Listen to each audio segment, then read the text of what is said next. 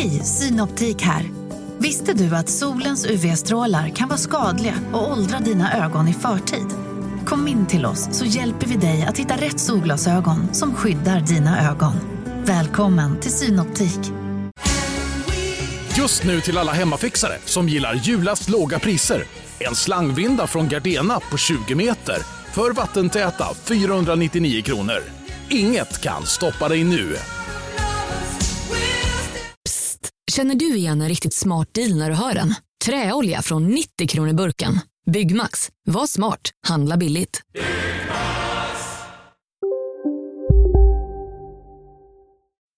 Hej och hjärtligt välkomna till veckans avsnitt av Kulturbarnen med mig Pontus de Wolf. Och mig, Ida Thirén. Woho! Jag känner mig hurtig. Det är de här programledarbilderna som, som vi har tagit. Albin Händig. Shoutout till fotografen som gjorde så fina bilder på oss. Alltså alla måste ta sina porträttbilder hos honom. Alla. mycket, mycket duktig kille. Va, hur är Ja, läget? Det är bra. Alltså, jag har haft en sån himla underbar sista timme här. För att jag Mhm. lämnade min dotter lite tidigare idag sin pappa. Och sen så satte jag mig ner i typ 20 minuter på mitt favoritställe här på Söder i Stockholm. Eh, Mm. På uteserveringen. Och tog en is havrelatte, obs. Och han läsa några sidor i min bok som jag läser. Vivienne av Kristina Hasselholt.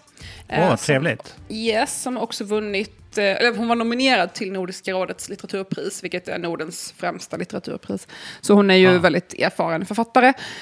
Jag håller på att läsa lite i den. Det handlar om eh, fotografen Vivian Meyer som levde i New York och var ganska anonym tills man hittade hennes Mm. eh, fotografier efter hennes död. Typiskt. Typiskt öde för Det hade kvinnor. varit en bra karriär. Ja, precis. Hon fotade skitmycket, jobbade som nanny och sen bara, oj, hon var Oh. visst jätteduktig fotograf. Och jag har ju liksom en förkärlek för konstnärs... Romaner om konstnärer i allmänhet, är någonting jag alltid har älskat. Eh, min, min roman, Att omfamna ett vattenfall, har ju lite den känslan också, handlar ju om eh, författare på det sättet, alltså Henry Miller och Anais Nin. Och jag älskar just den här grejen att skildra andra konstskapare i böcker. Typ Siri Ja. Hustvedt, en annan av mina favoritförfattare. otrolig. skri skriver jättemycket om olika konstnärer. Och jag gillar den där grejen att man blandar konst och litteratur. Ja, verkligen. Just det där konstnärer som inte jobbar som det utan blir upptäckta efter sin död. Det är ett väldigt speciellt kapitel alltså. Verkligen. Det finns ju ruggigt många sådana författare också. Kafka, likartade. Just det. Folk. Ja, Jag har alltid tänkt det så när jag fastnade, blev så besviken. Och jag, jag hade ju blivit refuserad med fyra olika bokmanus innan mitt, min roman blev antagen. Alltså fyra färdiga Mm. verk. Ja, jag liksom.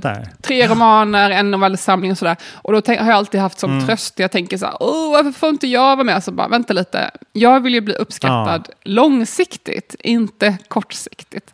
Så när jag känner, Smart. det har varit min tröst, jag känner så här, "Åh, varför gillar inte den här, Ja. den här människan min bok? Så bara, "Ah, ja, men eh, när jag är död, då kommer ni vara jävligt taggade på att säga att ni har känt mig och läst mina böcker. men det är ju smart ju. Då kan ju du eh, liksom hitta dem efter några decennier. Och, och när, du har liksom, när du har tre, fyra romaner under bältet, då kan du ju släppa dem. Ja, Som att fast så de här- är inte så bra. de är inte så bra tyvärr. Det gör ingenting. Så fort, En det, av så dem fort, så fort Nej, men du har din bestseller så kommer de vilja ha ut den liksom, året Ja, efter. precis. En av dem är en, en kort roman. Den är helt okej. Den skrev jag när jag var, när jag var typ 20. Den är helt okej. Mm. Ja. Den kanske kan få se ljuset någon gång. Men de andra kan gärna stanna i mörkret. Men jag trodde du skulle säga, då kan du hitta dem från andra sidan. alltså, Åh nej, vad trist. Det, Ja, det det- kan vi återkomma till. Det är ett, ett ämne som jag har för veckan. Men, eh, men det vi har ju faktiskt en... eh, Det är lite en parallell historia med veckans musik. Veckans Mm. musikgäst som är K. yes! Eh, ja, alltså hörru, nu rullar funken på här i bakgrunden. Det är fest. Soul-legenden K. Ja, det, man blir lätt nostalgisk och inte är det konstigt för han har ju gått och hittat eh, gamla inspelningar från 20 år sedan som sammanföll med den här eh, De tittar när jag dansar och... Eh, Oh my här, god, alltså vilken Ja. dröm. Och den här älskar, kommer du ihåg vad den hette den LPn? Den hette Beats, Melodier och Baby K. Det är sånt jävla självförtroende LP-namn. Nice, ja, Ja, shit. Från 2001. Jättebra musik som han släppte igår faktiskt. Går Ja. onsdag. Det fick mig att tänka så himla mycket. Dels på, på Lydmar hotell och eh, gratisspelningarna som var fantastiska i Stockholm då när så här soul R&B var på sin topp med Blackness och allt sånt där. Eh, det, var, det var verkligen en, så här, en kultur i Stockholm då. Som var, När, när, när snackar vi nu? Vilket årtal ungefär? Ja, runt, runt eh, sekelskiftet. Runt Pontus kommer in på klubb för första gången. Det här var innan min tid, vill jag bara påpeka. ja. Men det var certainly not before mine. var, berätta Pontus, hur var det? Berätta om en sån här typisk kväll. ja, men det var en, en, eh, en förgrundsgestalt som heter Ingmarie Pagenkemper som, som numera är chef för Cirkus och eh, en massa eh, musik, pophouse och sånt där ute på Djurgården. Eh, som också har jobbat liksom med Södra Teatern och Berns och varit en så här, hon är Stockholms absoluta nattklubbsdrottning. Wow. Eh, hon ställde till med så här helt otroliga bokningar från hela världen. Eh, och det, det fanns ett hotell som hette Lydmar som låg på Humlegårdsgatan, korsningen Sturegatan. Eh, Som numera är en bank eller möbler eller någonting. Men då var det ett hotell som satsade allt på livekonserter i lobbyn. Och det var, det var liksom, ja, det var så sinnessjukt stora spelningar där att det var inte klokt. Men alltså var det bara för att de skulle få bra marknadsföring så för hotellet? Eller vad var Ja, tanken med precis. det? De var Mm. lite... Men han, Pelle Lydmar är ju lite cool. Han, Nu har ju han där ute på eh, Blasieholmen. De kör inte riktigt samma live-tryck där, men det var en, en riktig kulturgärning. Liksom. Cred till dem, vill jag bara säga. Ja, mycket. Men det påminner mig lite om en grej som jag var på häromdagen, nämligen på ett rave. Ah, nice. jag höjde medelåldern med ja, 20 år sådär. Det var ingen som såg. Det var så mörkt. Ja, det var ganska mörkt. Nej, men det var inte riktigt ett rave som jag minns det. Det var mer en spelning i skogen, kan man säga. Ja. Men det var faktiskt en artist från, känd från podden, Lill Dovas, som Oh. skulle spela. Och jag sa, jag kommer, det ska bli kul att se. Eh, jag kommer, det dröjer lite grann innan spelningen börjar. Som det tenderar att göra på sådana här sammanhang, som alla vet som har varit på någon sån här lite svartklubb-aktig grej. Ehm, och till klockan tre spelade han. Ja. Eh, så att jag stod där klockan tre på morgonen, en uh, småbarnsmorsa. Vad hände med bästa år. 22.30? Ja, det var, det var en upplevelse. Um, Men jag, är stolt, jag var faktiskt väldigt stolt över mig själv att jag stod där som en jävla Ja. soldat klockan tre på morgonen i vakt, väntade på spelningen, tänkte inte ge upp.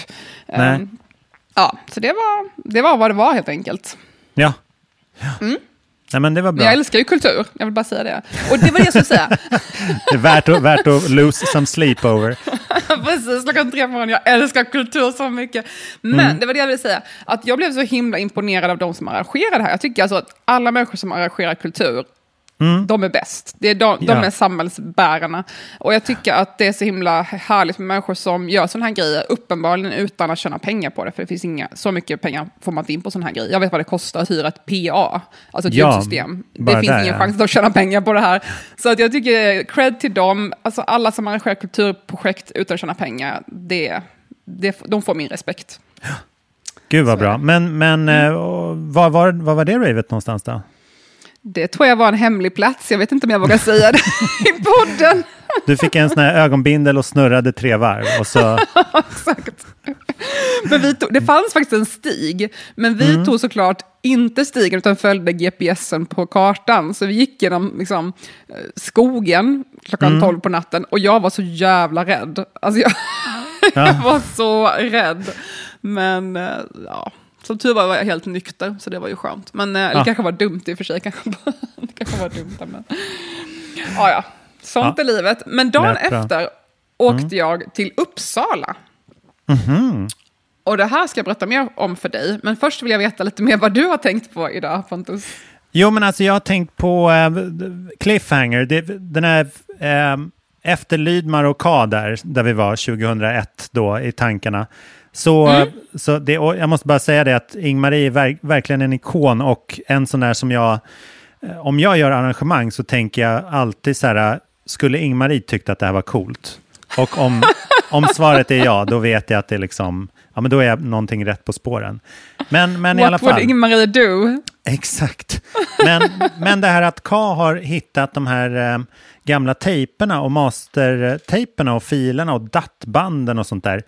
Det, för han har inte hållit på och stökat så mycket med själva musiken, utan det är de gamla inspelningarna man hör alltså, på de här så resorna. fett! Ja, men det, det fick mig att tänka tillbaka, för jag har också gjort lite sådana här remasterjobb genom åren. Mm. Och eh, för det är, sånt him, det är så himla skört liksom. Nu idag så är allting digitalt och man tänker att man, så här, man sparar en grej och då finns den för all framtid. Eh, oh, oavsett det är en, en bok eller en film eller en, ett stycke musik eller någonting. Men det är ju liksom, jag märker i mitt musikskapande att det är ju liksom, så fort man hamnar två hårddiskar bak så är mm. det borta. Alltså snudd på förlorat. För då är det antingen Gud, det är sant, en, alltså. en korrumperad fil eller någon så här, man har gett bort den? Eller så här, är det här verkligen den senaste versionen? Och varför döpte mm. jag den till det mm. här konstiga namnet? Eh, det, det kan frambringa panik. Och värre är det om man, så här, som i mitt fall, några band som jag har gjort åt som var stora på 80-talet. Då bara, ja, men vi tar fram de mastertaperna, de här stora rullbanden som liksom var på plats i studion. Bara, nej, de är överspelade med annan musik. Eller de tog för stor plats och såldes vidare. Eller det formatet existerar inte längre. Vi har inga maskiner som kan spela upp det. Eller den tekniken är död. Så att, alltså, det finns mm. hur mycket sånt här som helst. Det finns liksom låtar som, jag har hört av mig till vinylsamlare och köpt skivan där och sen spelat av det till datorn och tagit wow. bort knastret manuellt. Och det är liksom musiken som är på Spotify nu. Men om det liksom... Du skämtar med mig, det här är så mm. intressant. Och, eh, och det är ganska, alltså det finns stora artister från hela världen. All gammal liksom stenkakemusik och eh, liksom mycket från 50, 60, 70-talet och i mitt fall då 80-talet som är taget direkt från gamla vinyler. Och det lärde jag mig också i den här processen att knastret på vinyler, det är inte repor, utan det är själva vinylplastmassan som eh, eroderar. Oh så att God. när de är borta, då är musiken borta. Alltså, då har vi bara minnet av det. Och det finns massa sådana här historier som en stor brand på Universal Music Group i LA, eller i USA 2008 där så här originaltejperna till alla Nirvana-skivor, alla Elton John-skivor och R.E.M. brann upp. Och det kan man ju tänka att så här, ja men det finns ju kopior på det. Men vid varje kopia så händer det ju någonting. Oh. Liksom. Man liksom, det är någon tekniker som tänker att det här kan jag få låta lite cleanare eller lite bättre och så här. Och det finns ju liksom ett historiskt värde då att på de här tejperna så skriver någon med blyerts att så här, den här ska upp lite så och den här ska ner lite så. Så att det är mm. jävulst skört. Så jag vill, om man säger att så här, klimatångest är ju någonting som är present at all time eh, mm. för oss människor. Men jag tänker för, för oss som håller på med kultur så vill jag introducera termen formatångest. ah. Det är väl fyndigt. För att det är så mycket som går förlorat då och så vidare. Ja. Alltså det där är så bra spaning. Alltså, jag har tänkt på det där själv med mina artiklar och så. Jag har jobbat som kulturjournalist i tio år, heltid mm. typ. Eller ja, som försörjning liksom. Och så har jag jobbat som journalist sedan jag var typ 13. alltså ja. olika former. Och ja. det mesta finns ju inte någonstans sparat som i papperstidningar och sådär. Eh, men sen blev det väldigt det har man inte riktigt räknat med heller, för då tänkte man ju att det inte fanns. Det var ju, mm. Man förväntade sig ju inte att det inte skulle finnas heller. Men sen så hade jag en, ett av mina återkommande uppdrag i många år var för tidningen Rodeo, alltså mm. nätsajten rodeo.net, mm. där du också skrev, eller hur? Ja, i typ tio sekunder ja, innan jag blev, jag blev värvad av Nöjesguiden därifrån. Jo, men absolut, ah. det stämmer.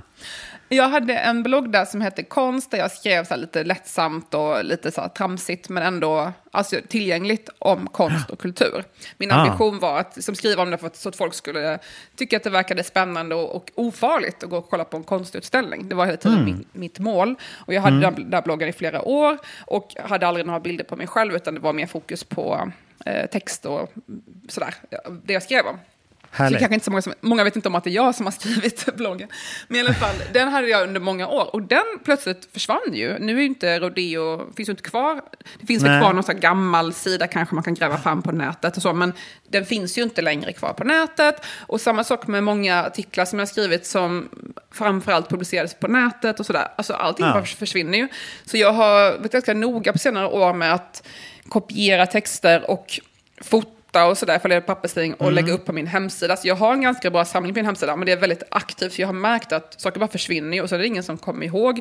Eh, och jag hade ju en bok med samlade artiklar som kom ut 2017 som mm. heter Frihet, jämlikhet och systerskap, samlade texter. Och det var 2007 till 2017. Um, som kom ut på förlaget Mondial. Och där mm. hade jag också fått gräva fram texter som verkligen så här, hade inte jag publicerat dem i boken kanske de hade försvunnit för alltid. För att de hade nog ingen hittat, vare sig på nätet eller ja, för framtiden. Så för mig var det också en tanke att så här, jag vill bli ihågkommen i framtiden för det jag har mm. gjort. Och då måste det finnas någonstans. Och det här är kanske ja. det enda sättet. Om det inte är på jättestora tidningar, tidningar typ så här DN och Svenskan. Alla andra sådana småtidningar och nättidningar och sånt, det bara försvinner Exakt. ju. Eh, ja, man får göra det själv. Det är ingen som kommer ja. betala årsavgiften på one.com för rodeo.net exakt, i all exakt. framtid. Exakt. Nu var det ju ingenting från bloggen som kom med där, men det fick verkligen mig att påminna mig att hur skört allt det här är. Och jag har också mm. tänkt på alla mina dokument, som jag sa till dig, alla de här böckerna som jag har skrivit och novellerna jag skrivit som inte är publicerade och sådär. Där mm. har jag blivit ganska bra på att spara allting som pdf.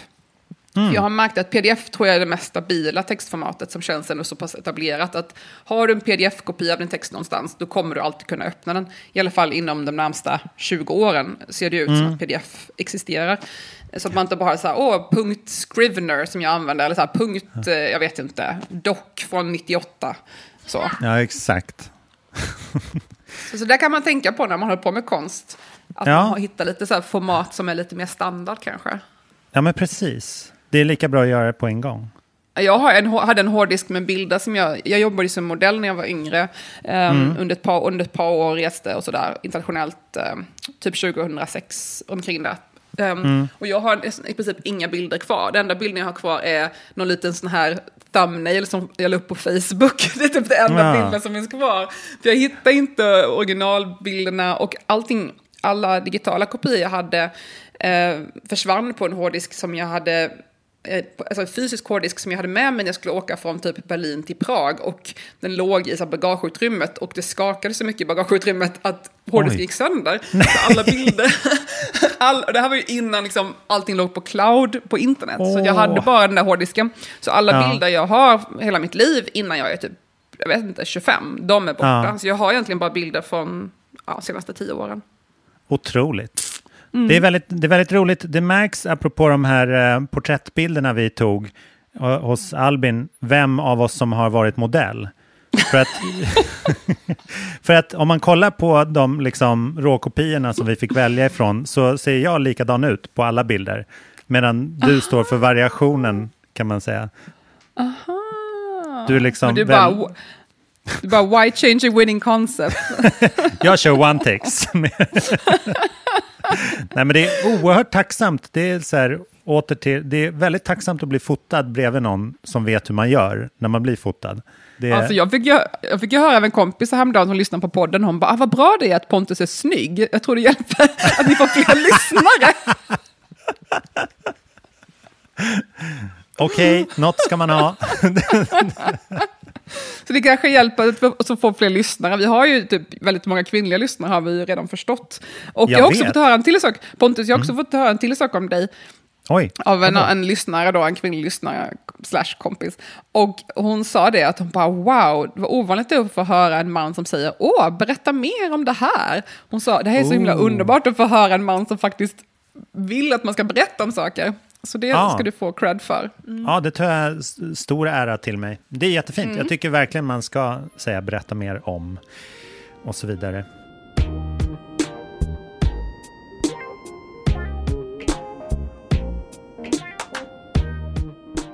Och det, var ju, det var ju din fråga också. Så, alltså, jag har inte gjort mycket. Jag lever nära naturen. Idag har det varit ett regn här över vår lilla socken på Gotland. Och då springer vi ut med uppsamlare och fyller tunnor och dunkar och brunnen med vatten inför att det ska komma folk. Liksom. Alltså det där är så vi jobbar gulligt. här. Ja. Ja, men det är, det är väldigt skönt. Man, man tänker bara på så här, "Ha, hur ska vi överleva bäst idag? Överleva är ett starkt ord, men du förstår vad jag menar. Att man, man är lite... Det är någon slags dystopi där ute på Gotland. nature. Ja, Postdystopiskt samhälle på Gotland. Man måste samla eget vatten. ja The road. äh, det är så sjukt. Men du ska ju hit nästa vecka vet jag. Alltså jag ska ju till Gotland för första gången sedan jag var typ åtta och var där på medeltidsvecka med mina föräldrar. Så jag ska dit på fredag. Det ska bli spännande. Det Kanske man magi. träffar på dig. Ja, vi ska ju se till att, att podda härifrån. Live-podd från Gotland. face. Ja, Ja, ska bli ja, det är jättekul. otroligt. Ja. Men just nu, håller jag ju mig till, um, just nu håller jag mig till city-semestrandet här. Och som jag nämnde tidigare, jag satt och tog en kaffe och läste min bok på uteserveringen klockan så här tre på eftermiddagen, solen skiner, lite skugga från träden. Alltså Mm. det där är Ida Culture. Om du skulle slå upp i en uppslagsbok, vad är Ida Culture? Det är att sitta Ja. på ett café, läsa en bok och dricka en kaffe och solen skiner lite lagom. Alltså, det där. Det Men där det är låter mitt som liv. magi. Och det där har jag gjort över hela världen. All jag har bott i ja, jättemånga olika platser och det, det, det enda jag gör är det där. Sitta på olika ställen och läsa. Och så skriver man lite och så läser man lite och så skriver man lite. Ja, det är det man ser fram emot när man får åka någonstans i världen igen. Att så här, ta en kaffe. Det är inte Exakt. liksom, åh jag vill till Legoland eller Disney World. Eller jag vill gå på museer igen. Jag vill, jag vill helst av allt bara ta liksom en kaffe. Det ligger högst i rang på i alla städer som jag kommer ha möjlighet att besöka. Man tar en kaffe, tar en kaffe people watching, kolla in Mm. folket. Alltså, och det, det, det, jag- det, det jag ville komma till lite med den här grejen var att jag ville bara uppmuntra alla som fortfarande befinner sig i Sverige att man måste inte åka så långt. Ibland räcker det att ta tunnelbanan till en annan station, sätta sig på Ja. en uteservering, plocka fram en bok, ta en kaffe. Det går att göra även i Sverige. Och, Alltså, tunnelbanan är ju Stockholm, men andra plats spårvagn, jag vet inte, bussen, ta Volvon, Mm. sätta sig på något uteservering, ta en kaffe, en bok. Det behöver inte, man behöver inte vara i Barcelona eller Paris. Nej, alltså exotism finns ju överallt. Just nu är det dubbelt så många som befinner sig på Gotland mot vad som är de, de normala in, invånarantalet. Det är alltså dubbelt så många som vad det brukar vara. Så det är hög belastning. Men det visar sig, alltså folk semestrar som dårar i Sverige just nu. Jag, och jag hade en sån himla underbar episod när jag var nere i, på Coop vid Djurgården där alla har så här dubbel och trippel parkerat på parkeringen utanför för att liksom komma åt matvarorna. Det är Oj. som ju, julhandel dygnet runt där liksom på lilla Konsum. Det är den Eh, där postdystopiska stämningen igen, å- återigen. Ja, då, då kommer det fram en man från Göteborg till mig eh, och viftar med sin, eh, med sin karta i telefonen. Så här. Han har sin familj med sig som ser utslagna och smått desperata ut. Så här. Ursäkta, ursäkta, vi är här för första gången. Eh, kan, du, kan du visa hur kommer man hit? Och så pekar han på telefonen och så står det Vattenfall. Och jag tänker en, en mikrosekund så här, här finns inget vattenfall, men då får jag förklara för honom, nej men alltså det är en laddningsstation för elbilar. Vatt, som heter så här, Vattenfall Car Recharge Station. Och det, det är liksom, i, i deras hjärna så var det helt rimligt så här, toppen, jag är varm, vi går till Vattenfall. Men jag fick liksom så här, nej men du vet, det är kraft, elkraftbolaget som... Eh, så Fortum! att folk är helt desperata.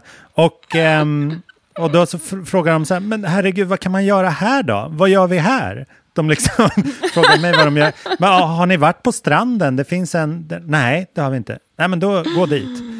Och så att liksom, okej. Så det, man, man tar liksom bara vi, bara, vi måste ut, ut på landet och så fyller man sin bil med sin familj och så bara, vi drar och så ser vi där vad de kan, ja. Det var mycket fascinerande. Men också ett svårt språk liksom. När det står Vattenfall på kartan och så är det inte det. Så är det en elbilladdningsstation. Alltså det där. Mm. Ja. En, två, tre, fyra.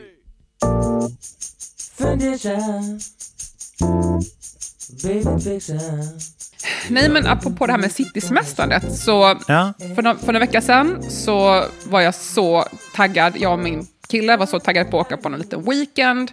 För jag, min dotter är hos sin pappa på helgerna, så jag bara okej, vi åker någonstans. Och så sa så här, åh, ska vi åka till Paris, ska vi åka till Rom, ska vi åka till, jag vet inte, Barcelona? Och så bara. Tåget till Berlin som man kan ta från Stockholm nu. Ja, Otroligt. precis, tåget. Så jag sa, aha, okej, det är 40 grader varmt överallt.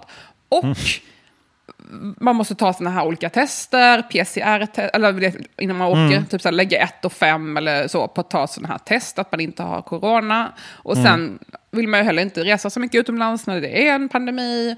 Så jag var Nej. så här, vi var så här, men vad fan ska vi... Så vi här, nej, okej, vi skiter i Paris. Vad- sägs om Göteborg? Så bara, aha, Göteborg, Malmö, och så kollar vi liksom, och så här, Umeå kollar vi lite på resor och sådär. Då tar det ju fem, sex timmar på ett tåg. Eh, och även om man fl- skulle flyga så är det ju också så här två timmar till slutet. Ja, okej, så våran weekend är nu bara en dag och två dagars resande. Aj, aj, aj. Ja. Så då var vi så här, aha, okej, men ska vi bara, vad ska vi göra? Och så kom vi på den briljanta idén, vi åker till Uppsala. Yeah, där satt den. Du, du, du, du. Vi, vi får en city weekend med pendeltåget och det tar en timme och tre minuter. Imponerande. Från Södra station. Istället för att då behöva asa runt på massa grejer och du vet svettas på ett tåg. Vi tog pendeln. Det kostade i princip ingenting. Nej. Vad spännande. vi, ja, men tyvärr, alla jag presenterade den här idén för var väldigt eh, anti den här idén. Va? Tydligen finns det väldigt många människor som är väldigt negativt inställda till eh, Uppsala. Nej, men, Fick jag lära mig. Både de som har bott där och de som har besökt. Eller bara, "Öh, vadå Uppsala? Öh." Jättemycket negativa reaktioner. Och jag stod på mig. Jag bara, jag vill åka till Uppsala. Jag har aldrig varit i Uppsala. Jag kommer från Värnamo. Jag har bott i många andra länder. Men jag har Mm. aldrig rest så mycket i norra Sverige. Nej. Nu tycker jag då Uppsala är norra Sverige. Ja, Allting norr om liksom, ja, Vättern.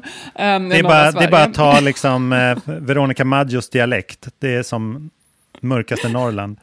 Alltså, jag tycker ju Stockholm är väldigt långt norrut. Så att Jag hade ju knappt varit i Stockholm innan jag flyttade hit. Eller så, så, ja. Ehm, ja, så då tänkte vi, vi drar till Uppsala. Och jag visste ju att det fanns en domkyrka i Uppsala. Eh, Ja. vilket jag tyckte var väldigt fascinerande. Och att Uppsala då är som ett slags religiöst, eller kristet centrum för Sverige.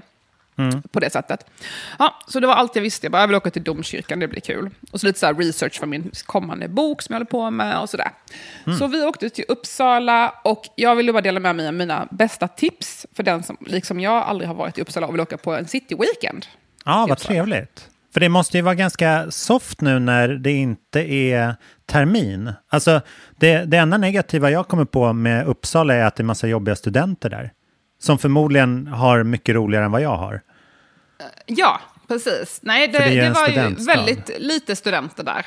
Ja, Eh, det var väldigt anmärkningsvärt lite folk där som inte var vuxna eller barn. Så Ja, jag fattar. De, de, det var väldigt tydligt att det fanns ett glapp där. Bortresta ungdomar. Då började det med att vi hade fått lite tips från min killes kompis som jobbar på Taps i Uppsala, vilket är ett ölställe. Det var jättetrevligt eh, också, vill jag tipsa om. Mm. Eh, hon var inte på plats, så vi besökte platsen hon hade tipsat om. Och det första stället vi åt på var Golden China, som är en eh, kinesisk restaurang. Och Mm. de hade en helt otrolig rätt rätter. Alltså det var så gott. Det, det var typ något av det godaste jag ätit i mitt liv. Alltså det, det här var Jaha. liksom topp. Jag har ändå ätit på Michelin-restauranger. Det här var liksom wow, wow, wow, wow. Typ 150 kul. spänn för vegetarisk... De hade de hade något som kallas för tofu sticks. Då hade de gjort en... Alltså det var perfekt textur av tofu som var ändå tuggmotstånd. Fast ja. Alltså, alltså, jag kan inte riktigt förklara det, men jag säger bara åk dit, ta deras tofu sticks rätter, be dem tipsa. Jag tog den som hade tre spicy chilis på och den var helt fantastisk. Både jag och min kille var helt så här mind-blown. Vi tittade på var- varandra och bara, vad är det här? Men gud vad härligt. jag var ju i chock. Ehm, så jag skulle kunna tänka mig åka till Uppsala igen bara för att gå på Golden China. Så jag vill verkligen Ja. tipsa om det här. Och sen så käkade jag också eller jag tog en, vi satt och drack någonting svalt på ett ställe som heter Klostergatan 5. Jättetrevligt, jag kunde tyvärr inte äta just då eller dricka alkohol, men de hade jättemycket naturviner och sådana grejer också. Och trevliga så här, lokala producerade Schysst. grejer. Och så åt eh, min kille pizza på eh, Günterska konditoriet, som är ett stort populärt hov, eh, hovleverantör eh, konditori-stil. Eh, Också schweizerei. Vet du vad schweizerei betyder? Schweiz, det är en, Schwe- ja, eller men kanske det, schweizeri. schweizeri kanske. Remind me. Det stod på skylten och tydligen var det så att det var väldigt många från Schweiz som kom till Sverige på typ 1800-talet och serverade alkohol på kaféer. Så det blev Ah, liksom ett, en term för kaféer som serverar alkohol. Och där har de också vedugnspizza på det här stället. Och som du vet, jag är Ja. väldigt stort fan av vedugnspizza, jag äter ofta på Bananas. Men Mm. det här var nästan strået vassare, enligt i alla fall min kille. Jag, jag kunde inte äta för de hade ingen glutenfria alternativ där. Men den pizzan ska tydligen vara helt otrolig. Så att där har vi några bra mattips i Uppsala. Och Ja. domkyrkan, helt otroligt vackert, massivt, så högt i Mm. tak, så vacker. Alltså den är ju typ snart tusen år gammal den här kyrkan. Och det är också lite spännande för att alltså, domkyrkan var ju egentligen en katolsk kyrka. Jag vet, det är ju en katedral. Alltså det där. Det, har varför i, kallar man det inte för katedral? Det har du ju det, rätt i, tycker- gud. Det finns ju domkyrkor i lite svenska städer, Kalmar, eh, Jönköping kanske. Lund va? Lund, ja. Men, men alltså varför kallar man det inte för katedral? Det är det dummaste i svenska språket någonsin. För att det, det tar ju ner det liksom. Just det. För att det, Nej, för- men det måste varit liksom Nej, protestantismen eller något. Nej, för man satt och tittade på, ehm, så tittade på domkyrkan. Alltså, Mm. Hela stan Uppsala är ju typ byggd bara med tvåvåningshus för att man ska alltid Mm. kunna se domkyrkan. De har ju aktivt velat behålla den här stadsby, stadsbyggda, stadsbilden. Ja. Eh, så jag hade också utsikt från mitt hotellrum, Hotell Hörnan, jättetrevligt, Grand Hörnan, jättefint, Ja. Mm. lokalt familjeägt hotell. Och utsikt över domkyrkan från mitt rum. Och jag tänkte på det, alltså det här kändes som att man var i Paris, alltså Ja. Notre Dame. Det- var lite samma stil på byggnaden och då är helt rätt, det är ju typ en katedral. De har ju byggt om, ursprungligen de här nischerna i sidan, de här små valven, hade man ju egna små altare och hade nattvard. Så det kunde pågå typ jättemånga nattvarder samtidigt i de här små nischerna. Men idag, så, sen, sen då 1500-talet kom, Sverige, re- reformationen, Sverige blev protestantiskt plötsligt. Och plötsligt är kyrkan en katolsk kyrka som blir en protestantisk kyrka. Och hela Ja. kyrkan byggs om in, in, inuti och blir liksom en vanlig kyrka som vi är vana vid. det, Fast den är ju inte byggd för det. Man märker att det är lite Nej. awkward, för den är ju lite för smal typ. för Ja, att det ska funka med allt, alltså med eh, predikstolen och sådär. Mm. Ja, så jag tyckte det var jätteintressant att besöka. Jättespännande. Jag blir sugen på att åka till Uppsala. Men det där var alltid en grej som så här, jag vill åka till Spanien, Paris för att se en katedral. För det var så här Just mäktigt namn typ. Då hade jag kunnat åka till Strängnäs istället. om, jag hade, om jag bara hade vetat. var ni... Det eh, är bara var ni ett ord. Ja, exakt. Var ni, eh, såg ni Pelle Svanslös-statyn? Alltså jag måste säga att jag blev lite chockad över den här besattheten vid Pelle Svanslös. Det var nästan lite absurt. Jag blev nästan lite... Man bara, har ni inget annat att komma med än Pelle Svanslös? Vad jag än vände mig, Pelle Svanslös, Pelle Svanslös. Jag, jag tyckte det var... Ja. Där kände jag Uppsala, step up your game, släpp Pelle Svanslös, finns det inget Verkligen. nyare? Till exempel min goda vän Alex- Alexander Abdallah, eh, Snabba Mhm. Cash, känd från Snabba Cash. Han är ju från Uppsala till exempel. Ja, Precis som ser. att byta ut Pelle Svanslös mot lite Ja. mer Alex. Ja, men exakt. Alex, om Men- du lyssnar på detta. Ja, ja. Ja, men Gösta Knutsson var ju, eh, jobbade där vid Uppsala universitet och var radioprofil. Men alltså, vi, ja, vi har hittat Pelle Svanslös böcker på loppisar här och läser för min son. De är inte bra. De är alltså inte bra. De, det, men de rider på den här liksom ikoniska persongalleriet, skulle jag tro. För liksom, har du läst dem för din dotter? Storiesarna är liksom oförståeliga. Det är helt... Shit, ja, det ja. var ju ett tag sedan jag läste Pelle Svanslös måste jag säga. Men ja, Ja. okej, det är så Näm, dåligt nämn din också. favorit Pelle Svanslös. Nej då, det ska jag inte tvinga dig Maja Gräddnos. Ja. Eh, nej men det är bisarrt. Men, eh, Men jag ja. känner så här, Uppsala, släpp det. Stop Ja. Mm. trying to make Pelle Svanslös happen, it's not gonna happen. Och om det har hänt nu går tiden vidare. Kan, kan vi, snälla, kan inte någon i Uppsala som hör det här, skriv någon ny bok som de har något annat att lyfta fram. För jag blev lite trött Ja, på det här. ja. Det fann, visserligen, mm. Pelle Svanslös Lekplatsen var ju väldigt trevlig. Ja, Ehm, det är bra. Så. Men någonting håll, håll mer kan det. komma med. Ja. Ja. Men det här säger jag med kärlek, för jag uppenbarligen är ju väldigt vänligt inställd till Uppsala, så jag försöker ju verkligen säga det här som positiv feedback då. Ja. Eh, inte som... Mm.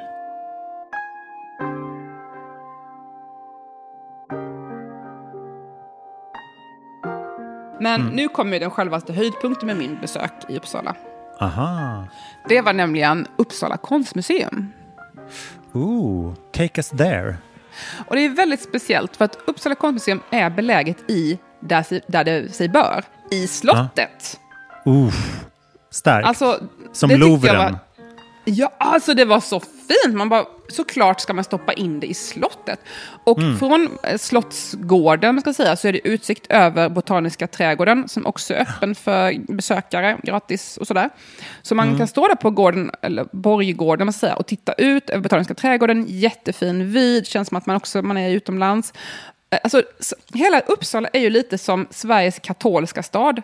Alltså Mm. känns det lite som att man är i Frankrike eller Italien. Det har en lite mer international feel än många andra Ja. svenska städer skulle jag säga. Och ån Men- är ju bra, eller kanalen eller vad det är. Den gräver Just där. det. Den, den Man ger ju också lite flärd. Man skulle ju kunna döpa om ån till kanalen. Och lansera ser då. Uppsala som Sveriges eh, Paris. Ja, och domkyrkan till katedral. Exakt. Du har Notre Dame, du har Ja. kanalen, du har Louvren fast det är Uppsala konstmuseum. Här kommer lite Mm. idéer till Uppsalas kulturnämnd. Du bara, bara ring mig. Verkligen. Pelle Svanslös-biblioteket kanske. Oh my God. Finns Nej. det inget sexigare man kan ta fram än Pelle Svanslös? Vi måste tänka, vad skulle de, vad skulle de gjort? What would Paris do?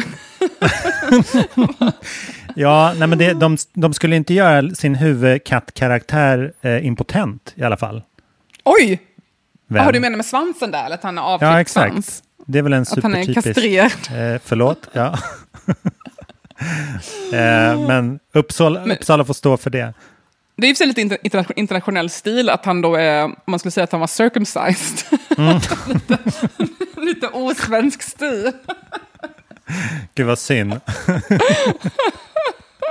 ja, jag har längtat till Uppsala. Det, Ja, jag tycker de borde anlita mig här från Uppsalas eh, kommun. Nej, men nu måste jag bara berätta om utställningen här på... på man Ja. kommer in på museet, som då är också slottet. Mm. Det är trevlig personal, man måste boka i förväg för det är corona, men jag lyckades, eh, någon hade inte dykt upp så jag lyckades få platsen då. Mm. Och då var det utställning med Anna Sjödahl som är en svensk konstnär som hade, framförallt gjorde mycket verk på 70 80-talet och väldigt så här, vardagsrealistisk konst. Hon skildrar mycket hur det är att vara morsa och att vara kvinna. oj, Eh, på ett lite sån här härligt 70-talist-feministiskt sätt. Eh, Men det tilltalade även då min kille. Han tyckte det var skitbra utställning. Så tydligen är det inte bara anpassat efter sådana som mig, som är morsor och gillar feministisk konst. Eh, Men bland annat hade hon gjort ett verk, nu kommer jag inte ihåg- årtalet, eller hon hade en utställning där hon hade lagt skor vid ingången, så man var tvungen- att gå över skorna när man kommer in på utställningen. Lite som när man är så här morsa och kommer hem och ton, tonåringar slängt sina skor vid dörren och man måste kliva över dem. Åh, nu ska jag städa. Ja. Lite den här känslan, fast det var då skor låg framme vid ingången till utställningen. Tyckte jag var så Ja. himla fin grej. Ja, och det är lite så här performance art besläktat. Ja, det bara blev lite så. in. lite installation kan man säga. Sådär, att man Mm. hade liksom både, så var det ju då, hon målar, i, målar alltså tavlor framför allt, Mm. men också lite installation. Um, mycket så anspelningar på att vara kvinna och att vara morsa och att vara förälder. Och hennes Mm. stil är väldigt så här um, rå. Det fick faktiskt mig att bli väldigt sugen på att måla, måste jag säga. Just Ja. för att den är sådär, det känns som att hon bara, ah, jag slänger ihop lite färg här och målar. Men det är väldigt snyggt, hon är, hon är ju begåvad konstnär, men den känns väldigt fri och snabb och lite sådär. Och, och jag gillar ju lite den här råa stilen. Jag har alltid föredragit när saker lite, känns lite genuina och på gränsen, inte slarviga, men, liksom, ja, men råa typ. Att man känner att här är någon som bara, jag måste, måste bara få ur med det här, snarare än så här, nu ska jag putsa till detta, det är helt perfekt.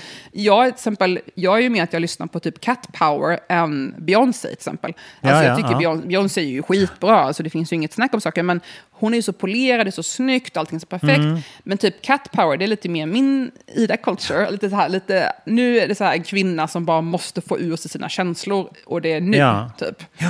Eh, Det där har alltid varit min smak och det syns ju också i min roman och det finns ju de som inte gillar det och de tycker kanske att det är, ja, Mm. framstår som slarvigt eller inte, bara för det här perfekta. Men det är bara min punk, eller punkiga stil som jag gillar, den här lite mer rock'n'roll på något Mm. sätt. Um, så att det gillar jag jättemycket, utställningen. Vad kul. Men är det, är det besläktat med liksom Karin Mamma Andersson, Lena Kronqvist, Helene Billgren? Den Jag skulle säga att det är eller? lite den, eh, ja, jag skulle säga att det är lite samma stil. Eh, Jag vet att du Mm. också är släkt med Helene Billgren och jag tycker att hon är en av Sveriges bästa konstnärer. Så att, eh, Definitivt. Det är inte Mm. därför jag är släkt med henne, men det, det bidrar. Nej, men jag, är, jag gillar ju den här stilen, som du säger, Lena Kronqvist, alla de där. Mm. Karin Mamma Andersson, som nu ställer ut jättestor utställning på Louisiana i Danmark. Jag vet, Eh. alltså jag såg något verk därifrån med en katt. Då blir man ju lite, lite biased, men den var otrolig. Vad fan hette den?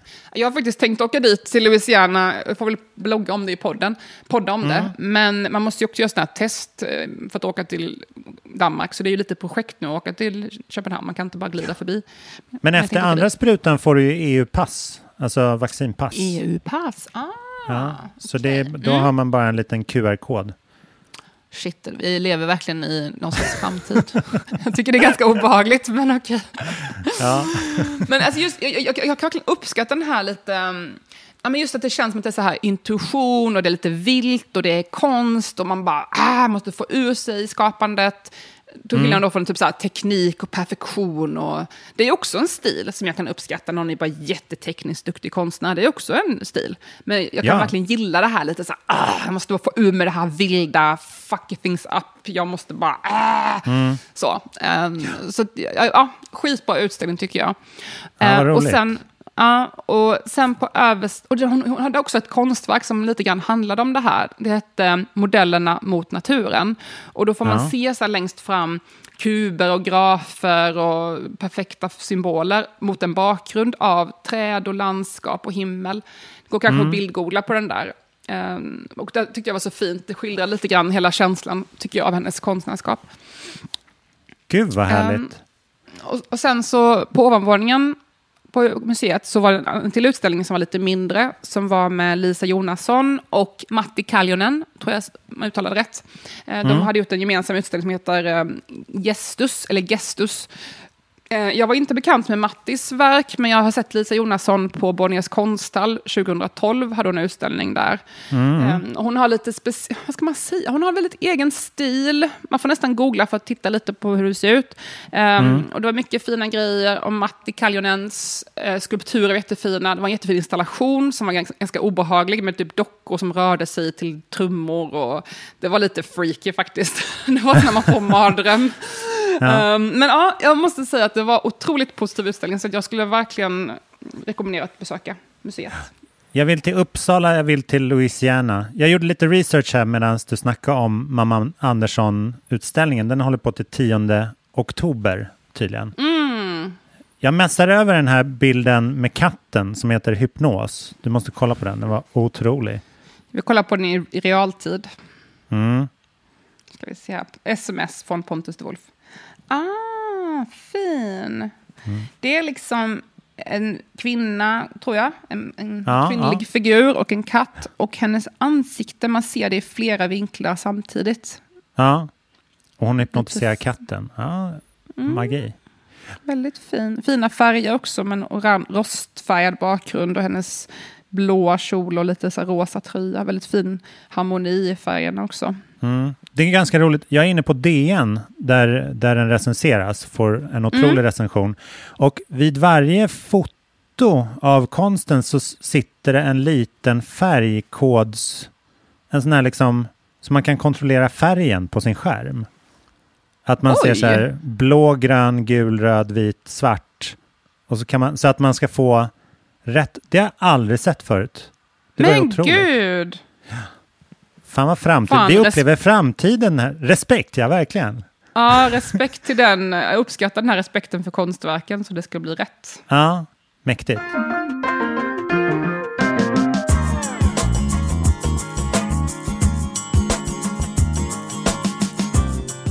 Hur går men, det med Sagan eh, om ringen nu då? de, stret, de stretar på. Men jag, jag har en annan eh, romanidé faktiskt. Okej. Mm, lyssna på den här då. Är du med? Jag Eh, romanen, jag, jag vaknade med den här idén, eller snarare jag, jag somnade med den och så kom jag ihåg den dagen efter. Det brukar alltid vara ett bra tecken. Eh, Men romanen ska heta Going to Hell. Ehm, och eh, det, det är en motreaktion på, vi, det finns ju många skildringar av helvetet. Liksom, Dantes Inferno har sin, den är ganska krånglig, ingen orkar läsa den. Eh, det finns den här typiska liksom, eld och lava, djävulen, man plågas liksom, i eld i, i Infinity. Men den har jag alltid haft så svårt att ta till mig. Liksom. Det är bara så här, "Jaha, okej, men då ska, då, det, allt är total eld för resten av evigheten. Ja, ja, vad, vad ska jag göra med den informationen? Liksom?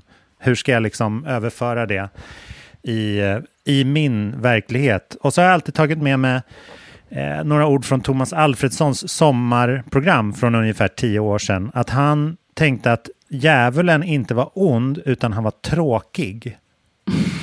Alltså inte ond, utan tråkig. För att det tycker han är det, liksom, det farligaste på jorden. Det är tråkig. För att då, då, blir liksom, då kommer människan gå under. Ja, så då kör vi. Going to hell. Den går ut på så här. Du vaknar upp. Eh, du har hamnat i helvetet, det vet du. Men allt är exakt likadant som när du gick och la dig. Alltså du är i din säng, du bor i din stad och du har din kille där och liksom allt, allt verkar på ytan normalt men det är någon som är sku, någonting är skumt. Och premissen för, för den här tolkningen av helvetet det är att allt som du tycker om Ida kommer förvridas till någonting dåligt. Oj. Så att så fort du liksom... Ja, vad känner du? Vad skulle du ha gjort en sån här dag när du vaknar? Säger du att min pojkvän skulle bli tråkig plötsligt? Nu är han tråkig. För det skulle Flash, bli... han är det- tråkig. det vi- Benan ligger till höger. ja. Du bara, okej, jag, jag får leva med det. Jag, jag tar mig upp och äter frukost. Frukosten är jätteäcklig. Det vänder sig i magen. Det är i alla fall vackert väder. Nej, då blev det dåligt väder. Fattar du? Att allt, allt i realtid liksom förmultnar och blir värdelöst. Så alla de goda... Så du får inte, du får inte tänka en, en vacker eller lycklig tanke. För då kommer det förgöras. Det är så fort slags- du liksom...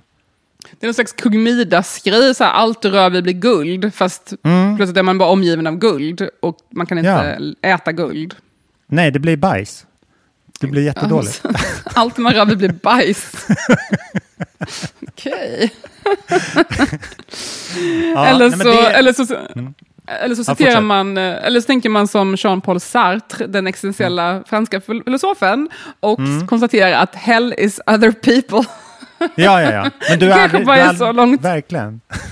Men du, du har aldrig läst Sartre? Sartre har aldrig funnits, liksom. Allt, Ja, just allt. det. Ja. Nej, men Gud, det, det påminner- är vidrigt.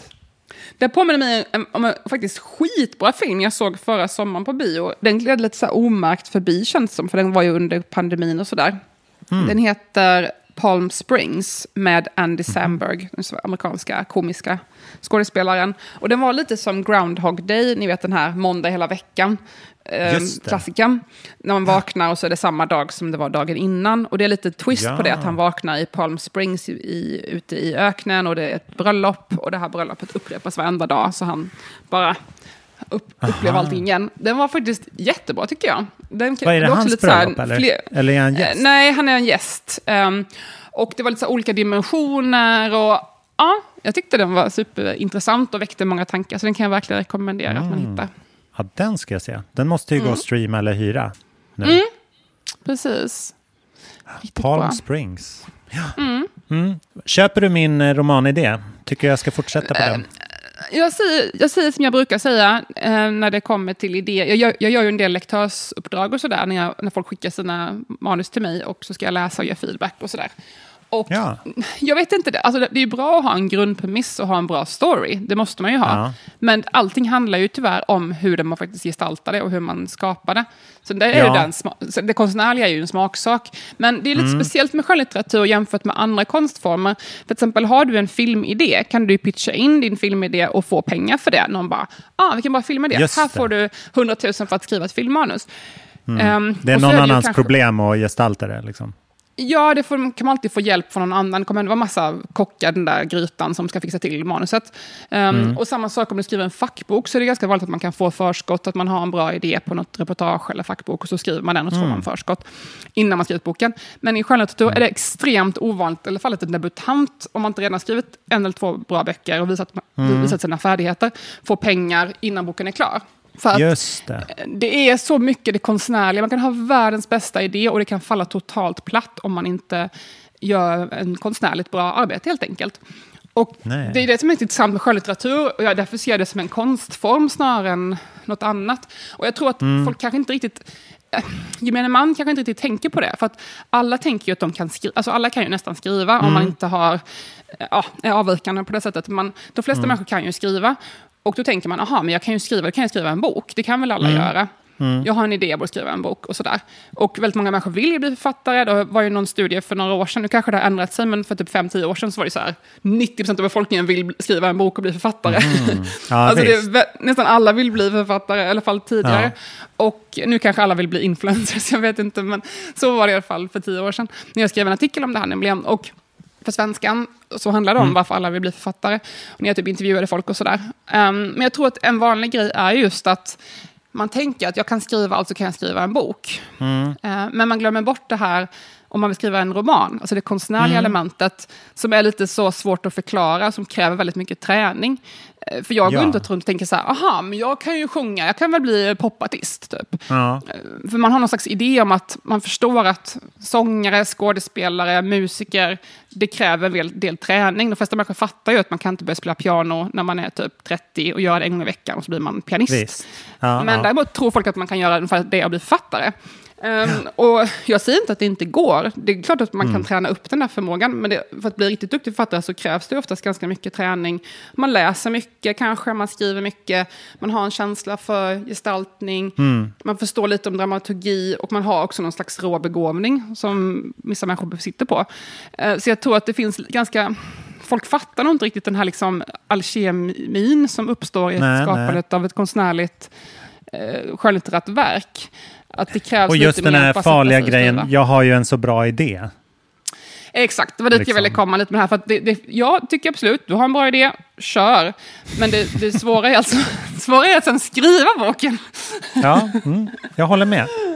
Så att, eh, ja, det här var egentligen någonting jag har tänkt på, inte bara riktat till dig, utan det var något jag har tänkt på ganska länge. Sådär, att det finns inte riktigt, tror jag, många fattar nog inte riktigt hur svårt det är att skriva Nej. en bok.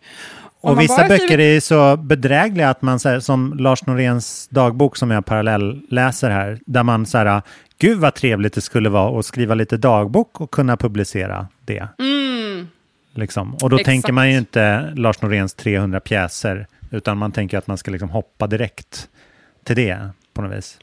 Och anledningen till att de här dagböckerna är så bra och intressanta att läsa är för att det här är en person som är van att skriva mycket och direkt få till flowet i texten och i flöd i rytmen. Och jag pratade med min kille om det här när vi satt där på Taps i Uppsala. Och eh, när det kommer just till skrivande känner jag mig väldigt självsäker på att jag får ut det jag vill få ut när jag skriver. Alltså har jag en Ja, det idé så vet jag att Ja. det kommer ut i text på ett sätt som jag trivs med. Sen som sagt kanske inte alla tycker att det är bra, men jag vet att det här är min vision, den kommer direkt komma ut. Och, och min kille är så fascinerad när jag skriver på datorn hur snabbt det går. Han tycker typ att, han trodde, första gången trodde han att jag skämtade när jag satte mig och började skriva. Och han bara, du skojar väl att du sitter och trycker på en knapp? Jag bara, nej, så här snabbt skriver jag. Utan liksom, det går direkt från tanken till text. Så här, brrr. Mm. Ehm, och det är för att jag har tränat i hela mitt liv i princip, men väldigt aktivt varenda dag sedan jag är typ 18. Så halva mm. mitt liv har jag suttit och skrivit varenda dag skönlitterärt. Eh, och ibland är det inte bra, ibland är det bra. Men jag har tränat så otroligt mycket på den nivån som typ en pianist som bara sätter sig ner och bara... Och ja. så där känner han, han är trummis och han är väldigt duktig på det. Så att han trummar nästan inte så ofta, men när han sätter sig så blir det alltid precis som han tänkt sig. Det är liksom inget ah, ah. avstånd mellan konstnärliga visionen och hur det faktiskt blir. Men i Nej. alla andra konstformer, skulle jag sätta mig och måla en tavla, skulle det inte bli som jag tänkt mig. För jag skulle nej, fastna nej, nej. i, ah, hur fan gör man nu för att få till den här lila färgen och så vidare. Just det.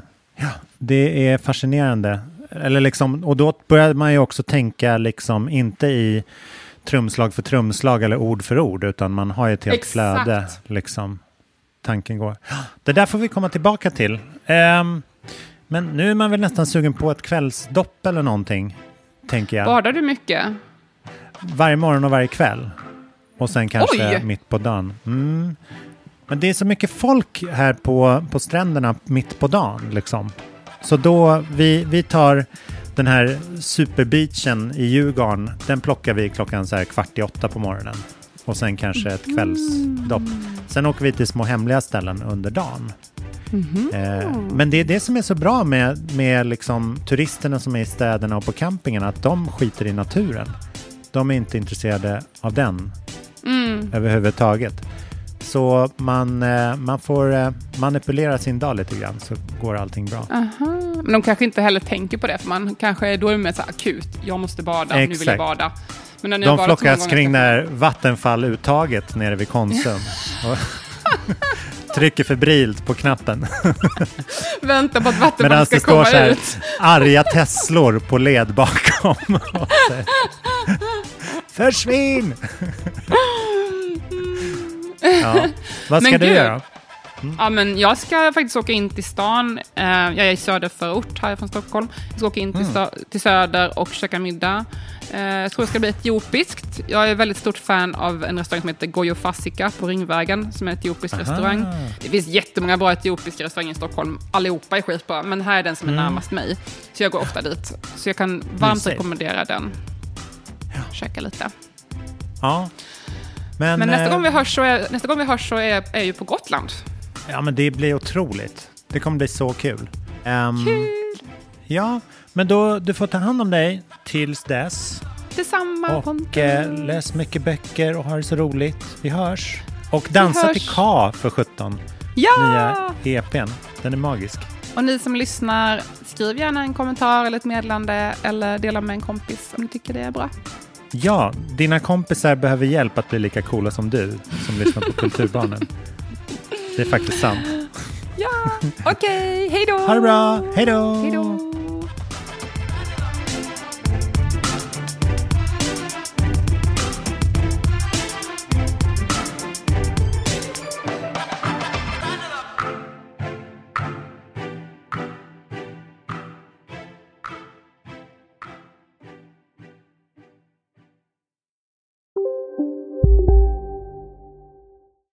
Till Unionen. Hej! Eh, jo, jag ska ha lönesamtal och undrar om potten. Ja, om jag kan räkna med övertidsersättning för det är så stressigt på kontoret jag jobbar hemma på kvällarna så kan jag då be om större skärm från chefen för annars kanske jag säger upp mig själv. Och hur lång uppsägningstid har jag då? Okej, eh, vi börjar med lön. Jobbigt på jobbet. Som medlem i Unionen kan du alltid prata med våra rådgivare.